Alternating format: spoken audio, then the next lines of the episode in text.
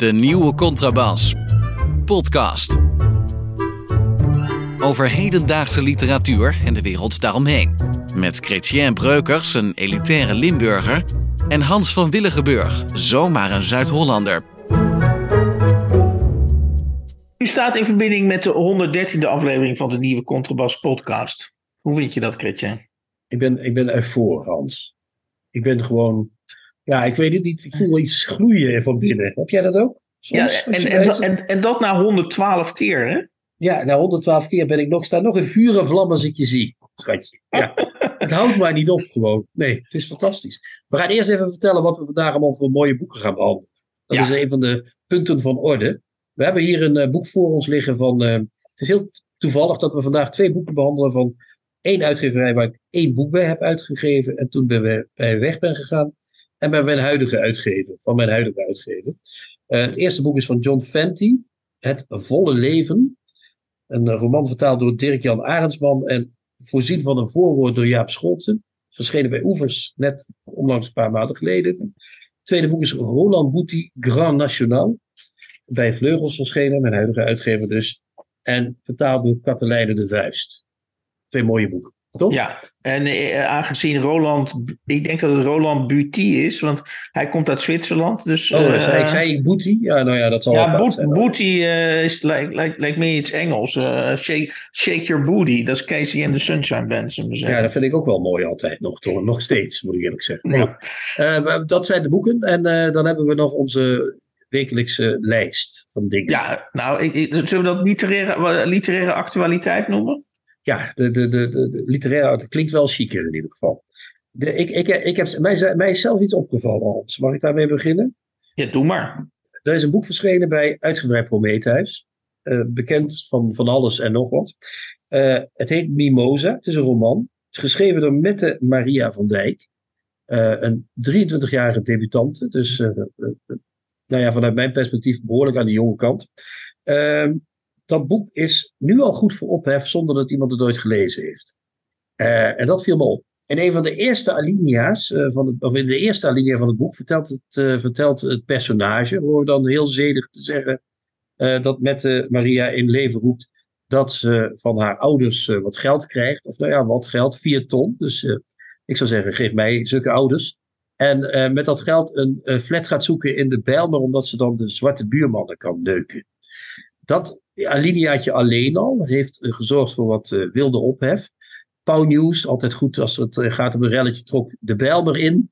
Waarin ze willekeurige jongeren gingen interviewen met deze passage. Trok de Bijlmer in. Het klonk, bijna als die doorbraak van de Oekraïne. Ja, Zo gewenste doorbraak van Oekraïne in Rusland. Maar ga door, ja. ja, ja ze hadden twee F-16's en een gepantserde auto bij zich, denk ik. Ik weet het niet. Maar uh, daar gingen ze heen en toen gingen ze, die, uh, gingen ze wat jongeren al daar rondhangende in een uh, winkelcentrum, gingen ze vragen stellen over dat boek. De mooiste reactie vond ik van één jongen, die zei, met een hele mooie jongen met een petje op, die zei, als dat meisje hier Tolly wil krijgen, kan het overal. Zei, dat vond ik fantastisch gezegd. Dat was eigenlijk wat mij betreft, was alle ophef daarmee meteen van de tafel. Maar goed. Uh, maar Pound wou steeds horen van, is toch erg? En ze vonden natuurlijk een paar jongeren die zeiden, ja, er wordt hier altijd al zo slecht over de Bijlmer geschreven, wat, wat erg, weet je wel. Nou ja, dat is punt één. FunX, en dat is blijkbaar een uh, jongere zender, ik wist het niet tot vandaag of gisteren. Maar die sprongen er ook in. Die, maar die gingen nog veel verder. Die deden iets wat echt bijna ongekend is. Die gingen de schrijfster zelf opbellen. Dus die gingen vragen van zeg maar, jij schrijft zo lelijk over de Bijlmer. Hoe zit dat nou? Uh, met de Maria, die probeerde, hè, een schrijver immers, die probeerde uit te leggen dat het een roman is die ze geschreven heeft. En dat daar dan allemaal dingen in staan die je verzint. En dat daar dan eh, van alles over gezegd kan worden. Maar dat je dat niet meteen op het bordje van Mette Maria van Dijk kunt schrijven. Nou, die jongens die begrepen dat, het jongen en het meisje begrepen dat niet helemaal, moet ik eerlijk zeggen. Dat werd een wat verwarrend gesprek. Uit twee, want op een gegeven moment vroeg die jongen ineens aan het meisje van, uh, aan, de, aan de schrijfster van, uh, is dat, uh, oh, dus het is al, niet allemaal echt gebeurd, zei dus je had nog nooit het concept roman helemaal bestudeerd. Maar goed, het interview eindigde ook met de prachtige vraag, wil je nog je excuses aanbieden aan de inwoners van de Bijlmer? Nou, dat wou Mette Maria gelukkig niet. Nou ja, tot zover. Ik zou zeggen, dit is allemaal nog vrij eh, lachwekkend. Maar eh, daarna, op 19 september, dus twee dagen geleden, kwam na, wat zou je zeggen als ik zeg Pound News uh, FunX. Wat zou je Ja. dan als derde zetten? Wat komt er dan als derde in die rij? Oeh, eh, Wie springt er dan op de wagen? geen idee, zeg het maar. Nou, NRC Handelsblad of NRC, zoals het tegenwoordig heet. Oh jee. Dat is een merkwaardige opeenvolging van dingen, toch? Of niet? Eh, Nou ja, eh, ik zou zeggen de NRC van vijf of tien jaar geleden misschien wel. Maar eh, de NRC van 2023, eh, ik sta nergens meer eh, van te kijken. nou, ik inmiddels ook niet meer. Eh, in die NRC heeft eh, Karin Amakmoekrim een eh, column. Eh, en dat, eh, eh, in die column gaat ze in op deze kwestie, die inmiddels dus tot kwestie is gebombardeerd. Zo gaat het dus. Hè? Dat is, er is nog niks gebeurd, niemand heeft nog een boek gelezen en boem, je hebt ophef. Ik denk Mhm. dat Mike Spijkers eh, in zijn villa ze, inmiddels alweer de bankrekening aan het checken is. Of, het, of de cijfers bij het CB aan het nakijken is. Of het wat omhoog gaat weer in de verkoop. Ehm, maar dat, die column, die moeten we even samenvatten, Hans. Niks aan te doen. Want daarin begint eh, Karin heel listig door eh, eh, over een nummer van de gids te zeggen dat er hele mooie verhalen in staan van mensen van niet-Nederlandse of niet-Westerse afkomst. Dus dat is één. Dan is ze heel blij dat de literatuur het zo goed doet. En dat duurt ongeveer twee alinea's. En dan zegt ze, dan komt de roffel van het noodlot, Hans. Dan zegt ze, en net, net toen ik tevreden was gestemd over de staat van onze literatuur, lichtte mijn telefoon op. En nog eens, en nog eens. Eerst waren het mijn dochters, daarna vriendinnen, en toen een zus. Of ik had gevolgd, gevolgd welk boek er bij mijn uitgever was uitgekomen. Nee, want ik heb het lang geleden opgegeven om de halfjaarlijkse catalogus in te zien. Niet uit desinteresse, maar uit bescheidenheid. Immers, wie ziet hoeveel prachtige boeken eruit komen, kan de moed eenvoudig in de schoenen zakken. Dus nee, ik wist niets over die ene jonge schrijver. Nou, dat blijkt dus diezelfde Mette Maria te Maria zijn, van, die, ja. Die haar eh, zwarte buurmannen kan neuken, waarvan Karin dan ook zegt, de toon is hiermee wel gezet. Dus de rest van de onsmakelijke citaten kan ik u besparen. Hier trekt eh, Karin al het, eh, het, het, het, het kleed van de schooljuffrouw aan. Hè? Van, we hebben hier één vies dingetje gezegd. Nou, dat, dat, kleed, dat had ze al aan hoor. En wat mij betreft, gezien, Ja, jouw ik ken haar niet zo goed, gezien, maar- gezien jouw samenvatting van de column tot dat, tot dat punt. hè, Ja. te- tevreden zijn over de staat van de literatuur. Nou, dan ben je wel een schooljuffer. Ja, dat is wel waar, ja. Eh, en dan gaat ze verder. En dan komt het, eh, Hans, want nu komt de opoffering. Ik las het boek dit weekend met tegenzin. Of erger nog, ik las het in totale verveling. De zwarte mensen waarover wordt gesproken hebben geen diepte. De Bijlmer wordt niet meer dan wat alle bange buitenstaanders al de- er al decennia over schrijven. En alles van kleur is enkel in het leven geroepen om de psychologische ontwikkeling van een wit personage aan te zetten. Het gebeurt al in de Nederlandse literatuur sinds Leon de Winter, sinds Joost Zwageman, sinds Robert Vuijsje. Daar is niets vernieuwends aan. Het is de- dezelfde literaire luiheid in een mottig tweedehands jasje. Dus het historische besef van eh, Karin Ahmad Moekrim gaat niet verder, Hans, dan Leon de Winter. De Nederlandse literatuur begint. We hebben, vroeger hadden we Karel en de Elegast en Herman Ola Volvela. Maar nu hebben we Leon de Winter. Dat had hij toch. eh, Jammer dat hij dood is, Leon de Winter. Had hij dat nog maar meegemaakt? Ja, hij leeft nog. Ik weet het als. Dat was een grapje. Maar eh, hoe heet het? Ehm, dit, dit is dus het eh, historische besef van de millennial. Bij iemand van midden 40. Maar goed. Nu komt het echte erge van deze korrelband. De schrijver, ze is slechts een paar jaar ouder dan mijn dochters, waarmee ze ontegenzeggelijk mijn sympathie oproept, verdedigde zich in een onsamenhangend verhaal. Dat was bij dat Fun X volgens mij Ja. over kunst, subjectiviteit en, daar is hij dan, de vrijheid van meningsuiting. Nu ga ik iets voorlezen, Hans. Hou even, ik, ik moet even een sensitivity warning doen. Mensen, dit is heel erg wat er nu komt. Het kind had er goed aan gedaan om dezelfde bescheidenheid te oefenen, beoefenen die ik net noemde. Je eerst afvragen wat jouw werk toevoegt aan de bestaande literatuur. Dus dat ging over die schrijvers waar ze nog heel tevreden over was in het begin. Dus het kind, ze noemt nu iemand van 23 Hans, een volwassen Ja. persoon. Daar zegt ze tegen het kind had beter gedaan. Dat, dat is toch wel. Dat, dan, dan, dan kun je Wacht. toch beter bij Fun X komen dan bij de NRC eh, behandeld worden, denk ik. Als ik dit, Maar, eh, maar, maar begrijp ik het nou goed dat ze dat A- Karin Amatmoukrim, als ik het goed zeg, Ja, ja, ja, Ahmad Boekrim. Ja, zeker. Ja, eh, dat ze eh, tegen een beginnende schrijfster van 23, eh, af, dat ze daar de eis aan stelt dat ze zichzelf afvraagt wat ze toevoegt aan de literatuur? Ja, dan moet, dan moet die schrijfster van 23 zich eerst afvragen. Dan mag ze van zijn boek schrijven. Ik, ik, de tijden van Ik, Jan Kramer, is een vies boek, maar ik heb het niet gelezen, zijn helemaal terug, Hans. Die zijn Oh, helemaal man. terug. Het Oh, is, man. het, maar ik bedoel, even los van het feit, ik heb het boek ook nog niet gelezen, hè, dus ik moet ook nog.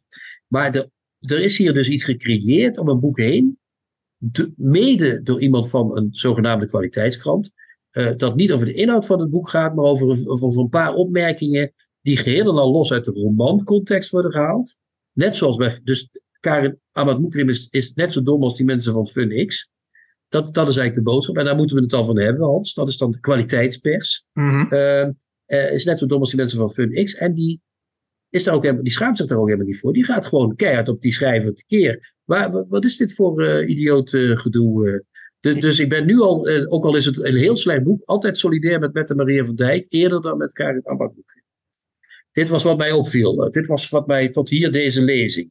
En de conclusie daarvan is: mensen, lees eerst eens een boek voordat je begint te. Zij zegt hier: Ik durf te wedden dat Ahmad Moekrim, die zegt: Ik bespaar je de rest van de citaat, die heeft dat boek niet helemaal gelezen. Dat weet ik echt bijna 100% zeker. Oké, ik ga het nog erger maken, want uh, niet alleen Mette Maria van Dijk is dus uh, onterecht slachtoffer geworden van, een, uh, van de nieuwe fatsoenskoorts die, die, overal, uit, die overal uitbreekt. Um, ik ga je nog even laten gruwen, Kreetje. Um, Ilja Leonard Pfeiffer, van wie we allemaal weten dat hij een tijdje geleden een, een, een, nou, niet eens een vuistdikke roman heeft geschreven, maar noem het gerust een, nou, wat, wat, wat is dikker dan vuistdik?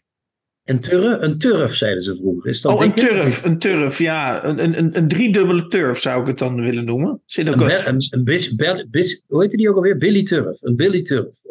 Dat is flauw, hè? Dat is heel flauw. Oh. luisterend naar de naam Albikiades of ja. Alcibiades. Het is maar, ja, goed, oké. Okay. Maakt niet uit hoe het er staat. Precies. Nou. En ook uh, Ilja Leonard Pfeiffer heeft een Facebook-wandje. Net als wij zelf ook een Facebook-wandje hebben. Ja, maar ik kijk uh, nooit bij. Ik ben geen bevriend. Ik ben niet bevriend met Ilja. Dus ik weet Oké, okay, ja, ik wel. Dus, dus ik krijg de, de berichten van Ilja Leonard Pfeiffer krijg ik door. Wat me sowieso opvalt, nog voor ik even op het voorbeeld inga uh, van het Facebook-wandje, is dat dit is dus dit is wel een prachtig voorbeeld van een boek wat ma massief in de markt is gezet, waarvan er ook nou ja, van tevoren nou, waarschijnlijk... Massief, Hans, dat is met een, met een tapijtbombardement aan uh, snoepreisjes en, en het, Tommy Wierenga's nieuwe boek is er niks bij ons. Echt ja. waar. Ja, dat is echt... Dat ja, jij dan dus, ja. in de markt gezet. Dat is in de markt geslagen. Is dat. Sorry voor deze milde, voor deze te milde beschrijving. Ja. maar goed, uh, dus, dus dan zie je dus dat die, uh, dus de markt, ik, ik, ik neem jouw beschrijving over, de, de markt is ingeslagen, of ingestampt zou ik dan bijna zeggen. Uh, en dan krijg je vervolgens uh, een misschien iets wat tegenvallende verkoop. Want in ieder geval met, vergeleken met zijn vorige uh, roman Grand Hotel Europa gaat dit aan, aanzienlijk minder snel. En wat er dan gebeurt is dat, we de, dat, dat um, de mensen die het gelezen hebben, en, en, dat je die helemaal gaat uitknijpen om, om zeg maar ja, um, citaten te produceren die de, de verkoop alsnog moeten gaan stimuleren. En ik denk dat Ilja Leonard Vijver wel iemand iemand is die daar een mannetje of een vrouwtje voor heeft om al die, om al die mensen op te bellen. Ja, die heeft een agent, hè? Die heeft zo'n Engelstalige agent. Exact, exact. Maar goed, nu, was dus op het nu kom ik dus bij het eigenlijke onderwerp, namelijk het Facebook-wandje van Ilja Leonard Pfeiffer. En die produceerde dus afgelopen week een uh, citaat van onze grote volkszanger Guus Meeuwis. Die, uh, ja. ja. En die had ook uh, Alcibiades ook gelezen. En die had uh, het volgende, het, het, citaat is langer, maar de, de, kern van, de citaat, van het citaat van Guus Meeuwis is... Het is een meeslepend verhaal dat je tot nieuwe inzichten brengt over democratie en populisme in onze tijd. Ja, ik vind het fantastisch. Ja, het is, het is, het is, je, kunt het, je kunt het Guus Meeuwis niet kwalijk nemen natuurlijk. Hè. Laten we daar niet uh, kinderachtig over doen. Uh, uh-huh. hè, iemand die het niveau van Kedeng nooit helemaal te boven is gekomen, die, die moeten we dat niet kwalijk Maar, maar, maar Ilja gaat dat dan serieus als een soort aanbeveling op zijn uh, Facebookwand uh, zetten. Ja, ja, ja, ja. Ja, maar dan maakt het ook helemaal niks meer uit of je nou wordt afgesnauwd door Karin Ahmad Moekrim of je wordt door uh, Guus Meeuwis de lucht ingestoken. Het is, het, het, het, lijkt wel niks meer uit te maken. Snap je wat ik bedoel? Het, het gaat al, al, lang niet meer over literatuur. Het gaat alleen nog maar over wie zegt wat over wie. Waarom mm-hmm. vinden wij dit slecht? Waarom vinden wij dit goed? Uh, het boek zelf, ja joh, je ziet nog wel eens af en toe een, op Twitter zie je nog wel eens bijvoorbeeld de voorzitter van de Vestek Club, die leest dat boek echt, dat van uh, Ilja. En die, geeft dan dat citaat uit en die zegt heel goed.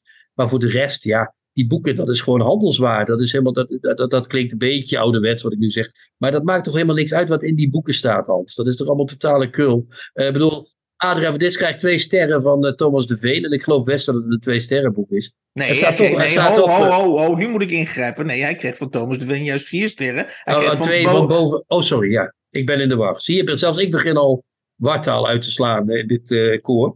Maar de, de, die twee sterren, die zal die best waard zijn van Bo, van Houwelingen. Maar toch staat die bovenaan in de lijst. En, er wordt, en het wordt literatuur genoemd. Hè? Dat, dat is ook het rare van al die dingen.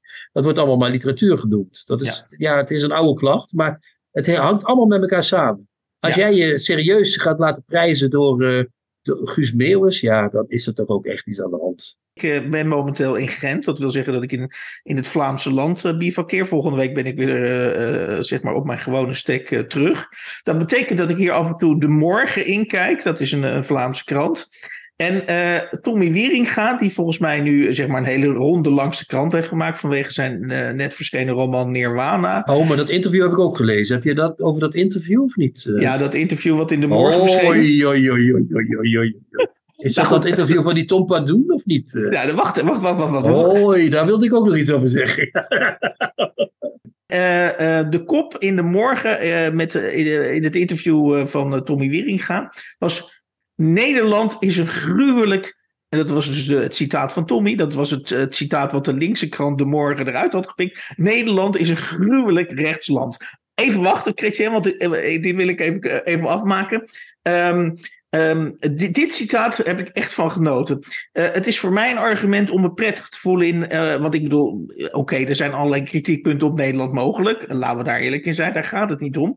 Maar als je een, als je een interview met Tommy leest en hij zegt dat Nederland een gruwelijk rechtsland is. Dan gaat mijn hart toch wel weer open voor, voor, voor Nederland, moet ik toegeven. En heb ik de neiging om te zeggen tegen derden.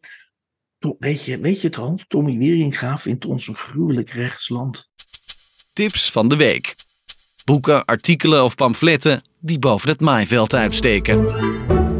Zoals aangekondigd gaan we twee boeken bespreken. Uh, we pakken de eerste bij de kladden en dat is John Fanti. John Fanti, John Fante. Eén van de drie. Hè? Wie van de drie? Wil de echte, wil de echte John Fanti nu op, opstaan? Ja. Herman Emmink, zeg het maar. ja, het is wel heel, ironisch, want er was een been van die man afgezet uh, wegens suikerziekte. Dus hij kan niet eens meer opstaan. Maar goed, uh, ga verder, Hans. De roman eh, die we gaan bespreken uh, is Het Volle Leven, of had ik dat al gezegd? En die is verschenen in 1952, maar opnieuw verschenen bij uitgeverij Oevers. Vertaald, um, voor het eerst in het Nederlands vertaald bij Oevers, ja. Ja, door Dirk-Jan Arendsman. Ik uh, heb even de samenvatting, omdat we anders uh, nodeloos uh, op zoek gaan naar ja, wat, waar gaat dit boek precies over. Dus ik heb mezelf in ieder geval genoopt om in één zin uh, te pogen dit boek samen te vatten. En dat is als, als volgt. het volgende is daar uitgerold. Um, het volle leven gaat over een beginnende schrijver in LA. die voor het eerst vader wordt, wordt waardoor de banden met zijn vrouw en ouders onder druk komen te staan. Ja, dat is, dat is een mooie samenvatting. Dat is heel kort ook. Zo kort is het boek niet. dus dat valt alweer mee. Dat is meestal met de samenvatting, ja. ja, dat is waar, ja. Uh, ze komen niet alleen onder druk te staan, die verhoudingen. Uh, hij, hij vraagt zich natuurlijk om, als beginnende vader af: ben ik wel een goede vader en zo. We kennen het allemaal, denk ik. Jij en ik in ieder geval wel, en Erik uh mhm. -huh. ook. Uh, hij krijgt ook problemen met letterlijk waar hij woont, hè, want hij is er zitten termieten in zijn huis. Dus dat, dat huis dat kruimelt onder hem weg. Ehm, hij heeft een baan in de filmindustrie, als ik het goed uh, gelezen heb. Hij heet overigens uh, zelf in het boek John Fenty en zijn vrouw heet Joyce, zoals in het echte leven ook. Dus hij zit dicht tegen het eigen leven aan. Uh, en omdat dat huis verkruimelt, gaat hij de hulp inroepen van zijn ergens verder weg wonende gepensioneerde metselaar van een vader. Ja, en misschien is het belangrijk, belangrijk om te vermelden in dit verband is dat uh, zijn ouders, die zijn allebei met pensioen. En, en, en, en Fante beschrijft eigenlijk dat die twee mensen uh, ja, eigenlijk een beetje, beetje verloren naar het einde van hun leven aan het hobbelen zijn. En ze worden eigenlijk wakker, worden eigenlijk wakker gekust door, door dat kind wat hij gaat krijgen. Dus met, met andere woorden, er komt een ene. En, en dit gaat even, dat is wel heel belangrijk om je te realiseren. Uh, dit gaat om een, om, om een familie met Italiaanse roots. Dus met andere woorden. Ja, als immigranten thematiek, zou je kunnen zeggen. Ja, dus Als, als er in een Italiaanse familie een nieuw kind wordt geboren, of een eerste kind, of een eerste kind van, van een nieuwe, eh, van ik zou bijna zeggen van een nieuwe serie, zeg maar de volgende, van de volgende generatie. Ja, uh, ze hebben al kleinkinderen, maar dat zijn dochters. En die vader die wil een klein zoon. Dus die, dat is een heel belangrijk thema in, in, het, in het boek. Namelijk inderdaad dat die, dat die ouders allerlei soorten bijgeloof e, e, e, etaleren. Over hoe Fanti inderdaad ervoor kan zorgen dat hij niet nog een dochter. Dat ze voor hen niet nog een kleindochter produceren, maar een kleine zoon. Ja, waaronder een van die trucs is dat hij onder de knoflookbolletjes zit. Die moeder stopt overal knoflook in. Ja, dat zou helpen bij het uh, maken van de zoon. Maar goed, um, maar dat, dat, dat hele uh, Italiaanse uh, koddige familietafereel wordt opgevoerd, zou je kunnen zeggen. Hè? Ja. hij gaat naar die vader. Die vader die begint meteen van: Ik heb een stuk grond voor je gekocht. Daar zetten we een nieuw huis op. En dan ga jij daar wonen. Nou, zegt die vent, dat weet ik nog zo net niet. Ik blijf liever in Los Angeles als het jou hetzelfde is. Boos, boos, boos. huilende mensen, Italiaans. Ja, echt cliché-Italiaans zou je kunnen zeggen. Hè? Ja, maar de manier waarop hij het beschrijft vind ik niet cliché. Maar ga door, ja. Nee, dat is niet cliché, maar dat is wel heel grappig hoe hij dat doet. Uh, nou ja, verder wikkelt het verhaal zich vrij natuurlijk af, zou je kunnen zeggen. Aha. De zwangerschap verloopt, er komt een kind. Uh, moeten we spoilen wat het wordt? Nee, hè, dat is te, te spoilerig. Dat gaan we niet doen. Nee, dat gaan we niet doen. Uh, en het eindigt ook heel mooi, want uh, dat, iedereen verzoent zich, zoals in een goede film, met iedereen. dat is een prachtig gegeven, prachtig uitgewerkt. ik vind de stijl van Fanti heb ik altijd, ik heb vaker iets van hem gelezen. Ik vind zijn stijl echt heel goed. Uh, heel uh, losjes, heel humoristisch. je hebt eigenlijk niet het, het, idee dat iemand een heel ingewikkeld verhaal zit te vertellen. Het gaat in staccato door, hè, vertellen. Zo, dus, toen gebeurde er dit, toen gebeurde er dat. Maar hij heeft zo'n humor aan afstand en hij schrijft heel filmisch. Maar niet helemaal aan. David zal zijn dat hij ook weer voor de filmindustrie schreef. Hij schreef -huh. scenario's. Dus je wordt erin meegesleept. Uh, en uh, ja, het is, het, is, het is daarom, net zoals de andere boeken van hem, ik vind het een goed boek. Dat moet ik om te beginnen zeggen. Ja, maar laat zo, ja, oké, okay, nee, ga nog maar even door. Of mag ik, mag ik in? Nou ja, nee, maar ik wou zeggen dat ik dat 20 jaar geleden, 23 jaar geleden bewonderde ik Fenty echt enorm vond ik het fantastisch. En nu zit er me toch iets dwars aan. Maar misschien wil jij eerst nog iets over het boek zelf uh, Nou, ik zou heel graag willen zeggen waarom. Ik heb er namelijk met, met heel veel plezier gelezen. En de reden dat, dat uh, hij wordt op de achterflappen, er is namelijk een, een uh, voorwoord of een inleiding van Jaap Scholten. En die zegt uh, op de achterflap: John Fenty is de grootmeester van het verlangen. En ehm, uh, daar bedoelt hij, of tenminste, daar bedoelt hij dus eigenlijk mee. En dat vind ik inderdaad heel sterk aan dat, uh, ook zeker in dit boek, aan het proza van John Fenty, is dat die personages die, uh, die hunkeren eigenlijk allemaal op hun manier. Zo, John Fenty hunkert naar een succesvol bestaan als schrijver, zo zorgeloos mogelijk, voor zover ik kan, voor zover ik kan overzien. Ja, dat is zeker zo.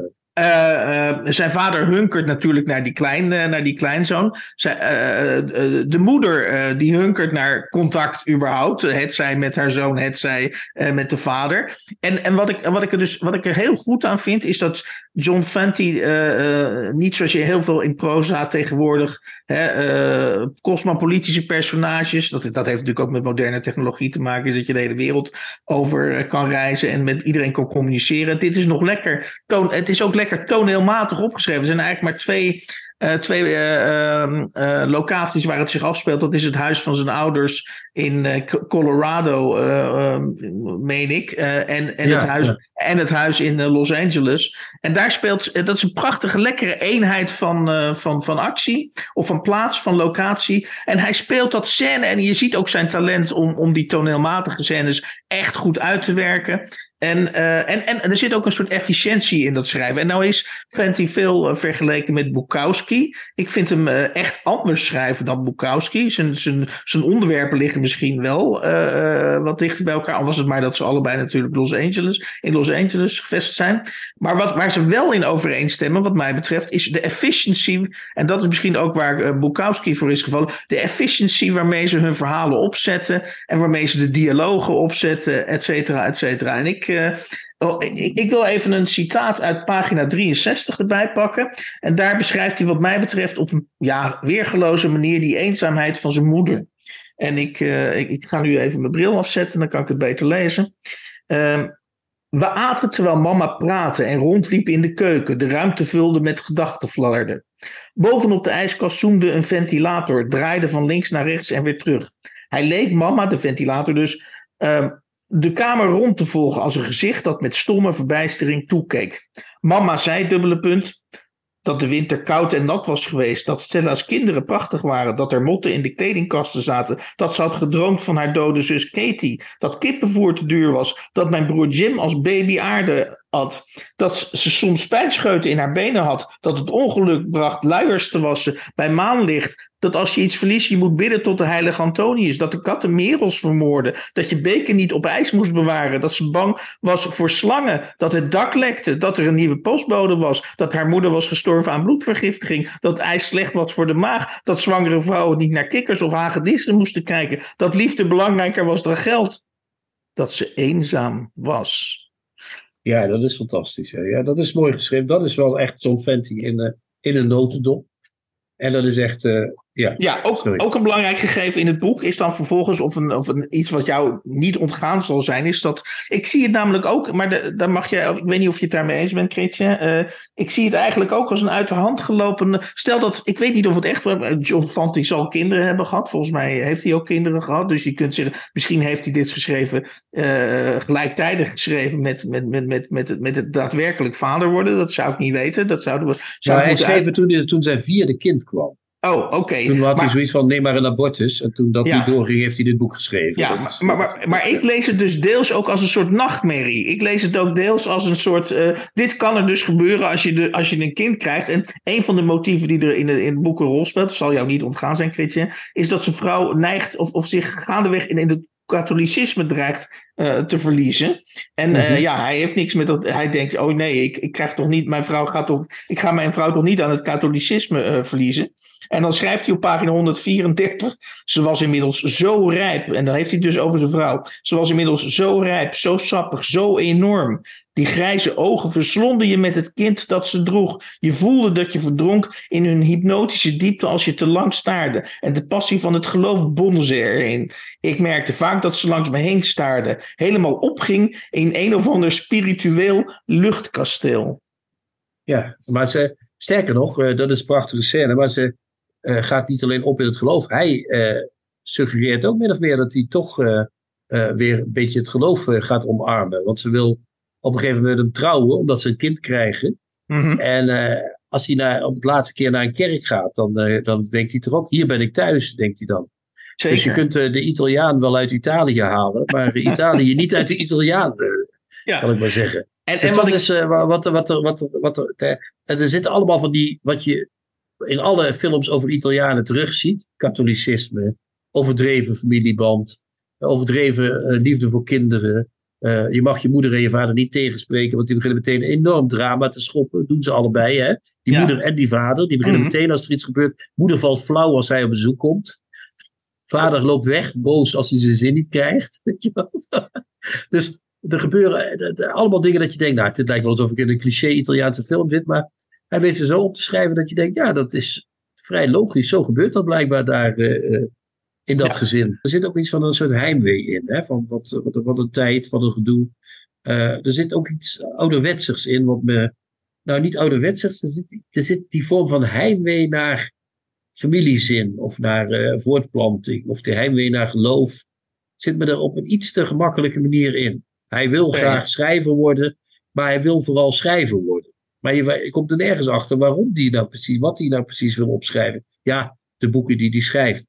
Maar ik zit ermee dat ik sommige van die heimweerboeken niet meer zo goed kan lezen. En dat is dit, hoe goed het ook is, want dat is het. Het is fantastisch, maar ik krijg er bijna krijg je toch een beetje rillingen, van, toch een soort Neskio-gevoel bij. bij maar, maar dat is dan, maar dat benadruk je zelf ook, dat is dan iets wat zich afspeelt uh, aan de In mijn hoofd. Ja. In die Kronenburger single, uh, puntje, puntje, puntje, ja. Ja, niet, niet, het speelt zich in mijn hoofd en in mijn huis af en niet uh, in het boek zelf, want dat is nogmaals heel goed. Maar jij wou nog iets zeggen over de. Nou, dat gaat misschien deels, dat gaat eigenlijk deels over waar, waar jij nu naar verwijst. Ik, ik vond het namelijk, misschien in tegenstelling tot jou. Uh, dit is een boek uit 1952 en, en, en de jaren 50 worden nu geassocieerd met, met truttigheid uh, en met daar moeten we niet naar terug. En wat ik, ik weet niet hoe jij dat ervaart, maar ik vind Fant, John Fante in dit boek eigenlijk ja, en dan om maar eens een heel modieus fout woord. Je mag nu even braken, je mag even het kotzakje. Ik vind hem zowel stoer als kwetsbaar in dit boek. Maar daar ben ik het ook helemaal met je eens. Hoor. Daar hoef ik geen zakje voor tevoorschijn te halen. Ja.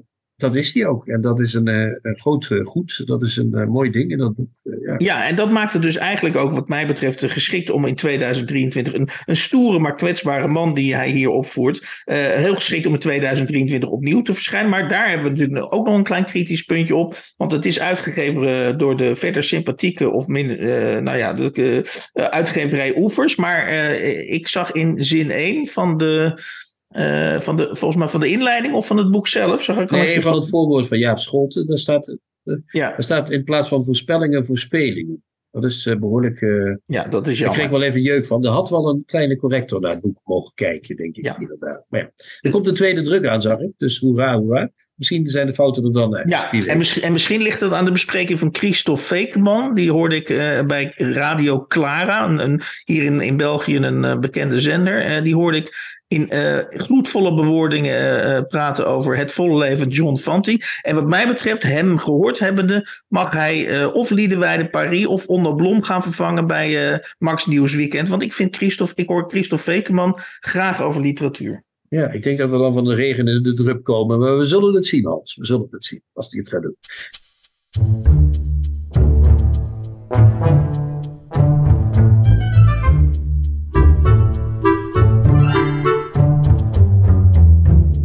Tweede boek.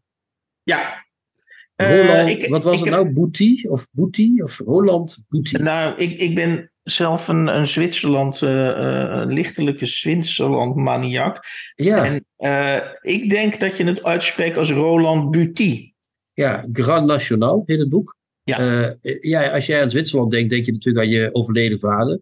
De belastinginspecteur uit Oestgeest, die ja. daar brievenbusfirma's ging spotten, zeg maar. Ander kind gaat met zijn vader naar de natuur. Maar jij stond bij die brievenbusjes te kijken of er nog wat uh, deed hij ook, hoor. Deed, was. Uh, deed hij ook. Dus hij deed, deed hij ook. Deed hij, deed hij NN, ja. ja. Uh, dit boek, Hans, gaat over een man, Weiss genaamd. wat is zijn voornaam ook alweer? Carlo. Carlo Weiss. Carlo Weiss.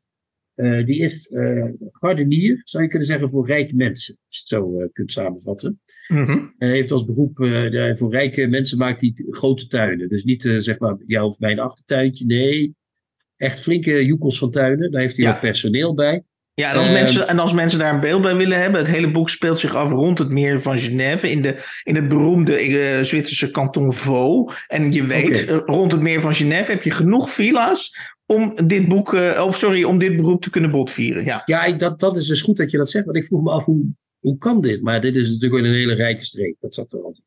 Ja. Die, die Weiss die is, die heeft ook personeel. Ene Agon is een van die personeelsleden. Een hele curieuze man. Uh, niet een Zwitser, maar daar wel werkzaam. En die wil hartstochtelijk graag Zwitser worden. Dus die oefent om daar uh, verblijfsvergunning te krijgen. Dat moet jij dan ook weten. Dat is niet gemakkelijk in Zwitserland. Dan moet je aardig wat jaren aardig wat vlieguren hebben voordat je daar binnen mag. In, in de jaren dat ik er kwam, of regelmatig kwam, nu dus veel minder, was het heel moeilijk. Maar tegenwoordig uh, heeft Zwitserland ontdekt dat ze ook uh, ja, uh, ja, buitenlanders nodig hebben. Dus het is iets makkelijker geworden. Oké, okay, je moet geloof ik vijf jaar gewerkt hebben of zoiets. Hij, hij bewaart ook al zijn loonstrookjes heel precies ja. om daar te kunnen komen. die Weiss heeft ook een moeder. En dat is een van de echte hoofdcentrale figuren van dit boek. Want die moeder, dat is me nogal een portret, zal ik maar zeggen. Die uh, blijkt op een dag, uh, die woont in een uh, bejaardentehuis of in een verzorgingstehuis, hoe moet je dat noemen. en die is op een dag kwijt en die blijkt in Grand National te zitten. In een groot, een beetje aan het vervallen hotel. Ja. Zo'n typisch hotel waar je bij aan Thomas Mann denkt, aan, aan de, de, Toverberg, dat soort hotels, weet je wel. Daar zit die moeder ineens. En daar blijkt een reden voor te zijn, want daar, is natuurlijk daar zit een verhaal achter. Zeker. Uh, zij heeft daar een verleden, die moeder, in dat Grand National. Ja. Nou, dat hele verhaal speelt zich dus af uh, rond die moeder, dat personeel van die Wise, die Agon en die Wise zelf. Dat zeg ik toch goed? Ja. En ook nog wel de beheerder van het uh, hotel Grand National, meneer Snijderman, hoe heet hij ook alweer? Die, uh, dit is er ook eentje. Die Scheidekker, Scheidekker. Scheidekker, Scheidekker, ja, die prachtige man ook. Uh, als je dit zo samenvat, zou je zeggen, suf verhaal. Maar dat is het echt geen moment geworden. Ja, maar je, je, je, er zitten nog een paar elementen in die, die je uh, vergeet. Maar dat, dat zeggen, ja, dat, ja, klinkt dat heeft te maken dat, dat, dat, dat klinkt, dat klinkt heel schoon, maar zo bedoel ik het helemaal niet. Nou, maar, zeg jij ze dan maar. Want, ja, doe nou maar. ja, die, die Agon, dat is volgens mij een Kosovaar. En er zijn Ja, talloze, talloze verwijzingen uh, dat hij een verleden heeft in Kosovo. Uh, wat, waarin hij, zeg maar, um, ja, aan, waar hij een trauma aan heeft overgehouden. En, um, maar goed, dit, dit, dit is niet cruciaal voor het boek. Maar een deel van de verhaal speelt zich ook over een, op een volkstuinencomplex. Uh, waar ze zeg maar, want, want hun, hun beroep is de gardenier of, of hovenier, inderdaad. Maar ze doen ook privé, doen ze uh, in dat volkstuintje af en toe, uh, vieren ze hun, zeg maar, hoveniers fantasieën en hobby's bot. Dus, dus, dus dat speelt ook nog een, een, een rol in het verhaal. Ja, en nog een en, daar rol. wordt hij dus, en daar wordt die Agon dus op een gegeven moment, om, om, om wat jij zegt terecht, als je het zo uh, vertelt, dan lijkt het suf. Maar uh, ik kan je vertellen, halverwege het boek wordt die Agon uh, helemaal tot moes geslagen. En komt hij in het ziekenhuis terecht. En, en, en moet Carlo Weiss, komt dus in een wereld terecht. Of, of raakt een wereld aan die, waar, die hem als degelijke Zwitser compleet vreemd is. Maar als je het nou hebt, Chrétien, over waarom is dit boek ondanks de misschien wat suffe, uh, ondanks mijn toevoeging ook wat suffe, samenvatting. Waarom is dit nou een meesterlijk? Uh, ik vind het, ik heb dit wel echt met een ongelooflijk plezier gelezen. Dan zit dat volgens mij in die ongelooflijk goede ja, beschrijvingen van de hoofdpersoon. niet alleen van zijn eigen leven, maar ook die van zijn moeder, van Agon. En er zit zo ontzettend veel liefde in en zo ontzettend veel zin voor detail. En dat begint dus al op pagina 11. Dat is de eerste pagina van het boek. Uh, Carlo Weiss is namelijk, en dat is ook niet he helemaal onbelangrijk in het boek. Carlo Weiss is een gescheiden man. En, ja, oh ja, zijn ex speelt ook nog een rol. Klopt. Ja, en uh, hij denkt met heel veel liefde, dat blijkt uit alles. Hij, hij vindt het heel jammer dat hij niet meer bij die vrouw is. En als dan op de eerste pagina omschrijft hij zijn eigen interieur na de mm. scheiding als, als volgt. Ze had vrij veel spullen meegenomen, die, vrouw, die ex-vrouw dus. Ze had vrij veel spullen meegenomen die ik niet had vervangen. Ik probeerde me te herinneren wat er voor haar, voor haar vertrek allemaal had rondgeslingerd op het rekje, op de vensterbank, in de bergruimte tussen de, het gasfornuis en de keukenkast. Ik kon, met, ik kon me de inrichting moeiteloos voor de geest halen, maar doordat de broodrooster, de aardewerken pot met het lange keukengerei en de waterkoker ontbraken, zag datgene wat ze had achtergelaten er enigszins bespottelijk uit. Ja, en volgens mij, het is inderdaad, dat zijn de eerste twee alinea's van het boek. Nou, ik zou bijna en, zeggen, Chrétien, als je, de, als je deze alinea kan schrijven, en die zou je bij wijze van spreken bij les 1 van een cursus Creative Writing in, inleveren, dan zou de rest wat mij betreft brandhout mogen zijn. En dan nog haal je bij mij een 9,5. Ja, zeker. En dat, dat, nou, misschien zelfs een 10 min. Ik weet het niet, Hans. Maar dat heeft ermee te maken volgens mij dat alles in dit boek gebeurt. En daarmee bedoel ik, natuurlijk gebeuren er altijd dingen in een boek, maar alles wat er gebeurt, daar denk je geen moment van, van wat vreemd dat het gebeurt, weet je wel. Mhm. Mm -hmm. uh, dus uh, hij heeft een heel raar personeelslid uit Kosovo, die hij de hand boven het hoofd houdt, terwijl hij zich ook soms een beetje ergert aan hem. Hij heeft een ex die hij eigenlijk terug wil, maar ja, dat wordt ook niet veel bijzonders, alhoewel ze wel nog een klein beetje met elkaar, uh, om elkaar heen draaien in het boek. Hij heeft een moeder die naar een hotel gaat, min of meer om te sterven daar. nou, dat gebeurt ook. Je zou zeggen, waarom doet die man niks. Maar dat is, het, alle, alle gebeurtenissen komen vrij logisch uit die wat kalme, uh, hele beeldende stijl naar voren. Net Ja. zoals uh, bij Fanti dus uit die spitse stijl alles naar voren komt en uit die humor. Hier gebeurt alles, zeg maar. Hier is alles wat er gebeurt logisch in het boek. En dat maakt het zo sterk volgens mij. Ja, Begrijp je wat ik bedoel? Een beetje? Zeker, Eh, zeker. ja. En, en, en, en, en niet alleen de gebeurtenissen beschrijft hij eh, op een manier, eh, indringende manier. Want het, wat het, het knappe is dus dat, dat die gebeurtenissen zelf niet bijzonder zijn. Maar doordat hij ze op een bijzondere en gedetailleerde manier beschrijft, worden ze bijzonder. En, eh, en, en wat, wat dus het eindresultaat is, en dan kom ik eigenlijk ook een beetje terug op dat sentiment wat ik had bij dat eh, boek van Hiske Dibbet, Niet Niks is dat, uh, hoewel dat natuurlijk op haar eigen leven was gebaseerd, dus in die zin niet vergelijkbaar met, uh, met Roland Buty, maar dat ze een, een vrij ogenschijnlijk onaanzienlijk leven, een gewoon leven, op een dusdanige manier beschrijft dat je er helemaal uh, in, meege, in meegezogen wordt. Ik, ik heb hier bijvoorbeeld, uh, hier beschrijft hij dus, jij hebt al ge, gezegd, Chrétien, dat hij rijke mensen hun tuin helpt inrichten. En dat beschrijft hij dus op pagina 52, vind ik briljant als volgt. Ik had de hele dag, dat zijn twee andere knechten, ik had de hele dag met Beatil en Laster gewerkt voor een Nederlandse cliënten. Kijk, ook Nederlanders zijn rijk. Mevrouw Nijenhuis had een groot landgoed dat boven het meer uittorende met zijn nissen, trappen en borstweringen, die in een bepaalde rangorde fungeerden als ontmoetingsplekken bij allerlei min of meer gesofisticeerde recepties. We hadden een Japans bruggetje geplaatst over haar waterpartij, omdat ze van Japanse bruggetjes uh, of liever van het idee van Japanse bruggetjes hield. Ze zijn louter decoratief en dienen nooit om van de ene naar de andere oever te lopen.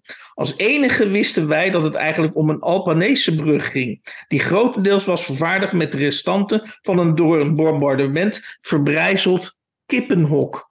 Ja, dat is ook alweer. Ja, hoe moet je. Ja, is, eh, bewondering is soms saai. Hè? Je, je kunt niet anders dan zeggen: ja, dit is wat er moet staan. Dit is wat op het papier moet staan.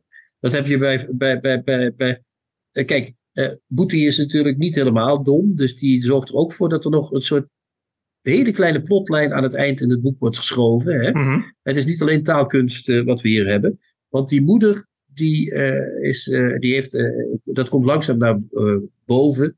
Die heeft in dat hotel vroeger een soort affaire beleefd. Met een of andere vogelspotter hoe heet zoiets? Een ornitholoog of hoe heet zo'n man? Ja, die de vogels ja, bekijkt. Ja, ja, In de oorlog ook. En die man heeft daar een hele tijd op krediet gezeten. En die is er later van tussen gegaan. Dus die heeft niet betaald in dat hotel. Uh, dat verhaal wordt langzaam aan die zoon geopenbaard. Het heeft eigenlijk niet veel te betekenen. In de zin van, het maakt niks uit voor, voor het verhaal. Maar het is wel leuk dat we dat langzaam te weten krijgen. Uh, andere verhaallijn is dat die uh, Agon, die collega van hem. Die maakt die wordt bevriend met iemand die eerst bij die moeder samen in een verzorgingshuis gezeten heeft. Uh, mevrouw Jacquet heet die, heel grappig. En dat is ook een hele onwaarschijnlijke vriendschap, want ja, uh, de Kosovaar die bevriend wordt met een oude Zwitserse dame bij een verzorgingshuis. Maar daar staat ook, ook, ik wil nog één scène doen, mag dat? Want, ja, tuurlijk, uh, tuurlijk, tuurlijk. Dat is als ze klaar zijn met, met, met hoe zeg je dat? Ze zijn klaar met, met de verhuizing van die volkstuin. Dat is ook weer een hele verhaallijn. Ja. En dan uh, zegt hij, uh, hij richtte zich op en liet de aarde langzaam tussen zijn vingers glijden. Hij droeg de trui die Madame Jacquet tijdens zijn verblijf in het ziekenhuis had gebreid. Na zijn ontslag had hij zijn belofte eindelijk kunnen inlossen en haar een paar middagen meegenomen voor een korte boswandeling. Ze had zijn omvang onderschat. Agon zag eruit als een kind dat tussen twee winters in te snel was opgeschoten. Voorop de flesgoede pullover, waarin hij zweette onder de resterende zwachtels, stond een motief reusachtige oranje A. De vervormde A leek als twee druppels water op een uitroep die al zijn bewegingen vergezelde. Ja, ook hier weer. Ja, oké, okay, je krijgt een hele rare, een beetje te kleine trui. Maar ja. Dus dit kun je nooit meer vergeten, zeg maar. Dat, dat daar zo'n hele grote Kosovaar loopt met een iets te klein truitje waar die aarde de hele tijd op beweegt. Eh. En daar staat het boek eigenlijk, nou ja, dat klinkt ook... Staat, dat, is een aaneenschakeling van dit soort scènes. Ja, dat, ja, ja, ja, ja. Nee, dus, ik, dus... Ik, ik, probeer ook nog te begrijpen, want bij Fanti stoort me dat heimwee. Maar hier zit geen heimwee in. Hè? Dat is misschien het verschil. Begrijp je wat ik bedoel? Dit ja, ja, gebe gebeurt gewoon. Het gaat maar door. Er wordt nergens gezegd van, uh, nou ja, alles komt goed en iedereen is tevreden. Ja. En bij Fanti zit het meer, het, het, het, is een gradueel verschil. Het is niet veel. Er zit niet veel verschil in. Mm -hmm. Maar ik kies nu meer voor dit boek dan voor Fenty. Misschien over tien jaar zit ik weer andersom. Dus dat zou best kunnen. Ja, op het gevaar dat je mijn hoofd er nu even afhakt. Ik heb ik, ik bij de la, bij, zeker door de laatste drie afleveringen en de, de, boeken die daarin voorbij zijn gekomen. Uh, ook weer teruggaan deels naar Misea Gerbert Bakker. Maar die namen durf ik al bijna helemaal niet meer uit te spreken. Heb ik steeds het woord, het zit het steeds het woord koket in mijn hoofd. Uh, of is in mijn hoofd gekomen.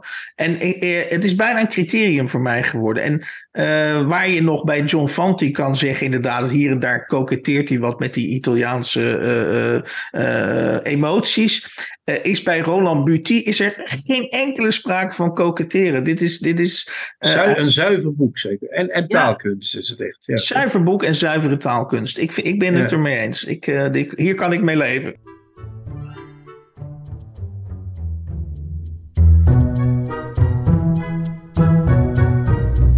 De nieuwe contrabas. Podcast. Hans, het wordt zo langzamerhand mijn favoriete uh, rubriek. Ik denk dat het uh, de hele podcast gaat overnemen. Onze zelfpromotie. Uh, we hebben deze week, Hans, hebben we aan de het, CPMB sorry, gevraagd of Eveline Adekerk een keer bij ons live in de podcast wil. Als we in het Torpedo Theater zijn, weet je wel, 18 oktober en 29 november in het Torpedo Theater. Mhm. Er zijn nog een paar kaartjes, dus mensen gaan naar torpedotheater.nl en reserveer. Ehm, en toen zei uh, Job-Jan Altena, de mediawoordvoerder van de CPMB, dat het helaas niet kon. Maar die zei ook, ik heb goed nieuws en ik heb slecht nieuws. Het goede nieuws, jullie hoeven niet te stoppen met het promoten van jullie eigen werk. Nou, dat is toch goed nieuws, Hans, of niet? Ja. Ik, zie, ik zie daar ook een teken in dat het speltje voor de, half, voor de helft klaar is, toch? Ik denk uh, dat, helft, dat, kwart. Het, het speltje, het, zeg maar, net als bij de munt. Ze hebben de mal al klaar. Ze hoeven er alleen nog wat in te gooien en dan eventjes eh, bij elkaar te knijpen. Uh, dat is mooi, want dan hebben we er twee. Maar we denken eigenlijk dat we toch drie speltjes moeten krijgen. Want we moeten beginnen vandaag met de zelfpromotie met Erik. Hè, onze technicus, Erik, ja. ja. Erik Lindenburg, onze, zeg maar, ons technische, maar ook, uh, ook morele geweten soms. Die uh, heeft een uh, prachtige podcast, of een prachtige website gemaakt. En die website heet De Dagelijkse Duinker. Waarin we elke dag, Hans, staat daar een gedicht van Arjen Duinker op. Net zoals op die Facebookpagina, die mm -hmm. verzamel verder. Ja, zelf voorgelezen door Duinker. Je kunt je dus, die, die kun je dus terughoren op dedagelijkseduinker.nl. Je kunt je ook abonneren op de podcast-apps uh, die daarvoor zijn. En dan kun je elke dag gewoon fijne gedicht van Duiker horen. Ja, ik kan me bijna geen beter uh, begin van de dag voorstellen, Hans. Jij wel? Ja, en, en, vergis je niet, hè, Arjen Duinker is van alle Nederlandse dichters, zeker van uh, de dichters die in de Champions League spelen. En, en ik, ik reken en hoeveel zijn er dat nou helemaal al? Ja, dat zijn, nou ja, dat is, dat zijn er niet vier. Hè? Ja. ja, precies. Ja. Arjen Duinker is ver weg de beste uh, vertolker van zijn eigen poëzie. Dus ja, je bent gek als je er geen abonnement op neemt. Ja, meer, meer dan twintig bundels, Hans. En die worden nu allemaal op geluidsband vastgelegd, zou ik bijna willen zeggen. Ik voel me een soort Philip Bloemendaal. Maar Erik is daar dus druk mee. ja, als dat geen boekpromotie meer is, Hans. Ik, ik, ja, wat is het dan nog wel, Hans? Ja. Als, als we dus niet drie speltjes in plaats van twee krijgen, ja, dan zou het mij toch echt heel we, erg tegen beginnen te vallen. Geven we ze allemaal terug. We willen er drie. We willen er nu drie, ja. En we willen ze graag ook door Evelien zelf opgespeld krijgen. Dat is ja. nog uh, de extra daaraan. En het liefst op het boekenbal in het voorprogramma. Vind je niet? Dat is eigenlijk ons ultieme streven, zeg maar. Ja, dat is eigenlijk waar we naartoe willen. Ik had vorige week, Hans, hadden we het over jouw prachtige of, uh, verhalenbundel Zenderbaas, weet je ja. nog? Ja, je ja zeker. herinneren? Ja. Ja, en je had daar Ja. een citaat bij. was op zich een heel Ja. mooi citaat. Eh, over een tennisschop. En toen vroeg ik jou iets daarover. En dat zwom een beetje weg. Dat, eh, Ja, dat- maar dan moet je eerst dat citaat nog even voorlezen. Want dat was een eh, goed citaat. Ja, dat was ja, een fantastisch citaat, Hans. We hebben het nu vaak Ja. gezegd. Denk je, hoe zit dat eigenlijk? Ja, dat ging zo. Eigenlijk besta ik alleen binnen de lijnen van de tennisbaan. In het dagelijkse leven heb ik geen merkbaar effect op mijn omgeving. En ik vraag me vaak af of, ik iemand, of iemand het door zou hebben als ik plotseling zou verdwijnen. Maar zodra ik een tennisracket in mijn handen neem en een tennisbaan opstap, word ik door zowat iedereen vervloekt. En lijkt het wel of mijn aanwezigheid er ineens toe doet. Zij het dan vooral als verschijnsel dat men graag zo snel mogelijk ziet verdampen of geblesseerd ziet uitvallen. Ik dacht daarvan, je bent een soort mekkero die begint te zeuren Ja, en te zagen. nee, nee ik, ik, ik vind het leuk om even kort uit te leggen waar dat naar verwijst. Want het is, heel, het is dus absoluut een heel biogra- autobiografische passage. Ik heb de, jij bent geen tennisser, hè, Christian? Nee, nee, nee ik, ik, ik kijk wel, maar ik snap het eigenlijk bijna niet. Dus Oh, je snapt het niet. Oké, oké. nou, dan probeer ik het voor iemand eh, die niet tennist. eh, en daar, daar zitten misschien meerdere luisteraars die, eh, van de podcast die nooit tennis. Ik zal het kort proberen uit te leggen waarom ik eh, eh, binnen de lijnen zo vervloekt word. Namelijk, ik heb de neiging- je moet voor, voordat je de partij begint, moet je inspelen, Christian. Dus dan moet je elkaar die bal toespelen in, in de veronderstelling eh, om, om elkaar even in te spelen. Eh, dat is eigenlijk een heel raar verschijnsel, want dat zou betekenen bij Ajax Feyenoord dat eh Jiménez iemand van Ajax gaat, gaat inspelen en, en vice versa. Dus dat is gebaseerd op collegialiteit. Nou, op Ja. zich doe ik dat heel sportief, dus ik geef die ballen goed aan aan mijn tegenstander. Maar ik kijk natuurlijk uit mijn ooghoek, Christian. Eh, of hij een goede backhand heeft, of hij een goede voorhand heeft. dus ik, ik probeer zo snel mogelijk het spel van mijn tegenstander te lezen. En dan ga ik, du moment dat de partij begint, ga ik op zijn zwakke plekken, die ik dan meen ontdekt te hebben bij het inspelen, ga ik genadeloos zeg maar inspelen. En ja, dat is natuurlijk een vorm van, van, van tennissen die niet iedereen, die, die niet iedereen mij in dank afneemt. Dus je daar bent echt een ontzettende etter dus eigenlijk. Ja, ik ben, het is dus eigenlijk een gesublimeerd wat ik inderdaad uh, op de tennisbaan ja. toon. Ja, klopt. Ja, dat is, dat is ernstig, ja. Maar dat, dat, dat, ik vind het ook heel... Uh, of ik, nou, of, ik, of, ik, of ik nou uiteindelijk win of niet. Het gaat er mij eigenlijk om om die tegenstander uh, dat rekken tegen, de, tegen het hek te laten slaan. Dat, dat is zeg maar het, het punt waarop ik zeg maar de, denk van nou, het gaat de goede kant op. Ja. Ik heb, ik heb ooit, toen ik nog voetbalde, Hans, lang, lang geleden, was er een jongen van een of ander elftal uit de buurt. En die, ik stond links buiten, dus dan stond je nog in de klassieke opstelling bij de aftrap. Mm -hmm. En vlak voor de wedstrijd tufte die me altijd in het gezicht. Oh. Dat is ongeveer hetzelfde, vind ik een beetje, als ik dat hoor. Of nee, niet? ik doe dat veel subtieler en netter. Jij doet het wel subtieler, maar het komt op hetzelfde neer. Ik had wel zin om hem kapot te maken. dus dat is op zich uh, wel vrij ernstig. Uh, Oké, okay, nou ja, die, ver die nu, vergelijking laat ik voor jou rekening. Ja, maar, ja. maar nu, ik vind het wel uh, mooi dat je dat zo even uitlegt. Dus dat is echt, jij verandert echt op het, op, het, op het veld in iemand anders. Dat is wat het is. Je wordt een soort ja. Jan Wouters of zo. Dat is het. ja, nou, ik, ik, heb, ik heb ook nog over mezelf nieuws, Hans. Want ja, ik wil mezelf toch niet overslaan. Jij hoort ook bij de zelfpromotie natuurlijk. Ja, als we de, moeten de chain of daisies moeten we compleet maken, zal ik maar zeggen. Ehm, ik, heb, uh, uh, ik, ik, zag dat in het Paard van Trooien was Herman Brusselmans geïnterviewd. Hè? Die, die ken je wel, Herman Brusselmans is wel bekend. Een soort schrijver die iedereen wel min of meer ooit van gehoord heeft, ja, denk ik. Of niet, ja, vriend, van, vriend de van, de show. Ja, en, en, iemand die recentelijk minder haar heeft gekregen, ja. Ja, ja inderdaad. Het, het, hij ziet er goed uit, moet ik zeggen. hij, hij was in het Paard van Trooien, maar ik, zag, ik kreeg ook een foto van jou, Hans, dat al mijn prachtige titels bij Vleugel staan gewoon in het Paard van Trooien. Ja, en op dus, wat voor dus, plek. Heel, heel, heel, in een gezichtsbepalende ja. plek inderdaad. En ik zag ook dat er heel mooi het licht op viel. Het was ja. werkelijk uh, adembenemend om te zien. Ik werd echt uh, een beetje vrolijk van. Het was, en, het was uh, bijna of Erik Lindenburg had uitgelicht inderdaad. Ja, ja, ja. Alsof hij er nog, nog geluid onder gezet had. Zo mooi. De violen hoorde je erbij. Um, maar dat wil ik, ik wil dus even zeggen dat wij zijn natuurlijk goed. Dat is zo. Maar er zijn nog steeds heel veel boekhandels die ook niet mis zijn. Zoals het Paard van Trooien of... of hoe heet ze allemaal in, in Gent en zo. We, we, zullen ze allemaal behandelen, als ze tenminste mijn boeken mooi neerzetten. Maar, maar er is dus overal hoop nog, Hans. Er is zoveel te doen en, en, en, en zoveel te krijgen. En, en, mijn boeken zijn er gewoon. Dus ik zou ja. zeggen, mensen, haast u alle naar heen. En de standaard boekhandel in Gent, wat ook een boekhandel is, zij wees gewaarschuwd. Ja, ja, ja precies. Inderdaad. Dus uh, ja, ik vind dat we goed bezig zijn, Hans. Daar kunnen we toch wel als conclusie trekken. Of niet? He heel goed bezig. Het is werkelijk geweldig hoe jij hebt gestreden tegen de ontlezing. En hoe jij de liefde voor het lezen en het boek hebt aangewakkerd bij al die honderdduizenden. En wij strijden daarin zij aan zij. En daarom vind ik het een eer dat ik namens de CPNB, dat is de collectieve boekpromotie in Nederland, dat ik jou mag kronen tot ambassadeur van de leesbevordering. Dit is een zeer felbegeerde speld. De enige echte ambassadeurspeld. Hij is ja. voor jou.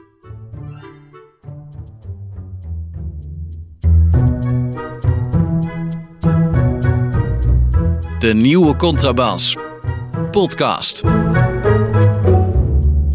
We zijn aan het eind gekomen van de 113e aflevering van de nieuwe Contrabas podcast. En dat betekent dat we even kort uh, in de achteruitkijkspiegel kijken. En dan zien wij dat we besproken hebben uh, John Fenty, John Fante, John Fante. Fante, weet Fante.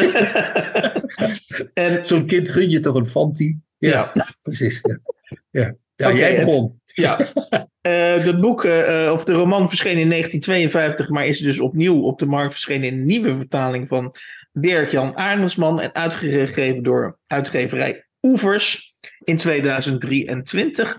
Ja, en dan... ja, maar dat is volgens mij voor het eerst vertaald zelfs. Maar goed, dat weet ik niet zeker. Oké. Okay. Volgens mij is het voor En dan hadden ja. we ook nog, ja, zeg je het maar. En sorry. dan hadden we uh, uh, een schrijver of een boek waar we via omwegen van mee, al meanderend hebben van u hebben geprobeerd te overtuigen dat het een fantastisch boek is. Namelijk het boek Grand National van, Roland, van de Zwitserse schrijver Roland Buty. Uitgegeven, uitgegeven bij Vleugels en vertaald door Katelijne de Vuist. uitgegeven in 2023. En ga allemaal dus naar www.dedagelijkseduik.nl voor een dagelijks shotje duiken bij de dans. Wat zat er toch veel moois in deze uitzending, Hans? Geweldig, ja. Het was, het was behalve het wat begin, waar we wat mopperig waren nog, maar het, het was... Worden we oud en positief, Hans? Wat zou het zijn? Zeg jij het maar. Het zou zomaar kunnen. Ja, lekker. Toch? En als de luisteraars nou ook wat positiever worden. Uh, de laatste donatie is van twee maanden geleden, Christian. Ja, dus, wij, dus wij, wij houden wel van onszelf, maar houden de mensen nog van ons? En als ze dat niet doen, dan, ja, wat dan? Wat moeten we dan? Ja, we kunnen niet van de lucht leven, Hans. Dat gaat niet. Nee. We wachten het af. Maar wij houden van iedereen. En tot die tijd zeggen we ciao, ciao. Kijk jij ook elke week uit naar de nieuwe Contrabas podcast? Voeg dan de daad bij het woord en word officieel supporter. Dat kan al vanaf 1 euro per week, oftewel 52 euro per jaar. Draag je ons een heel warm hart toe, dan kun je ook Golden Supporter worden voor 104 euro en Platinum Supporter voor 208 euro per jaar. En wat krijg je daarvoor terug? Dan luister je met nog meer plezier naar ons uitgesproken geluid wekelijks over literatuur. En wat je ook geeft, ga naar gofundme.denieuwecontrabas.blog. Nog één keer? gofundme.denieuwecontrabas.blog. Hup, hup, hup. Hup.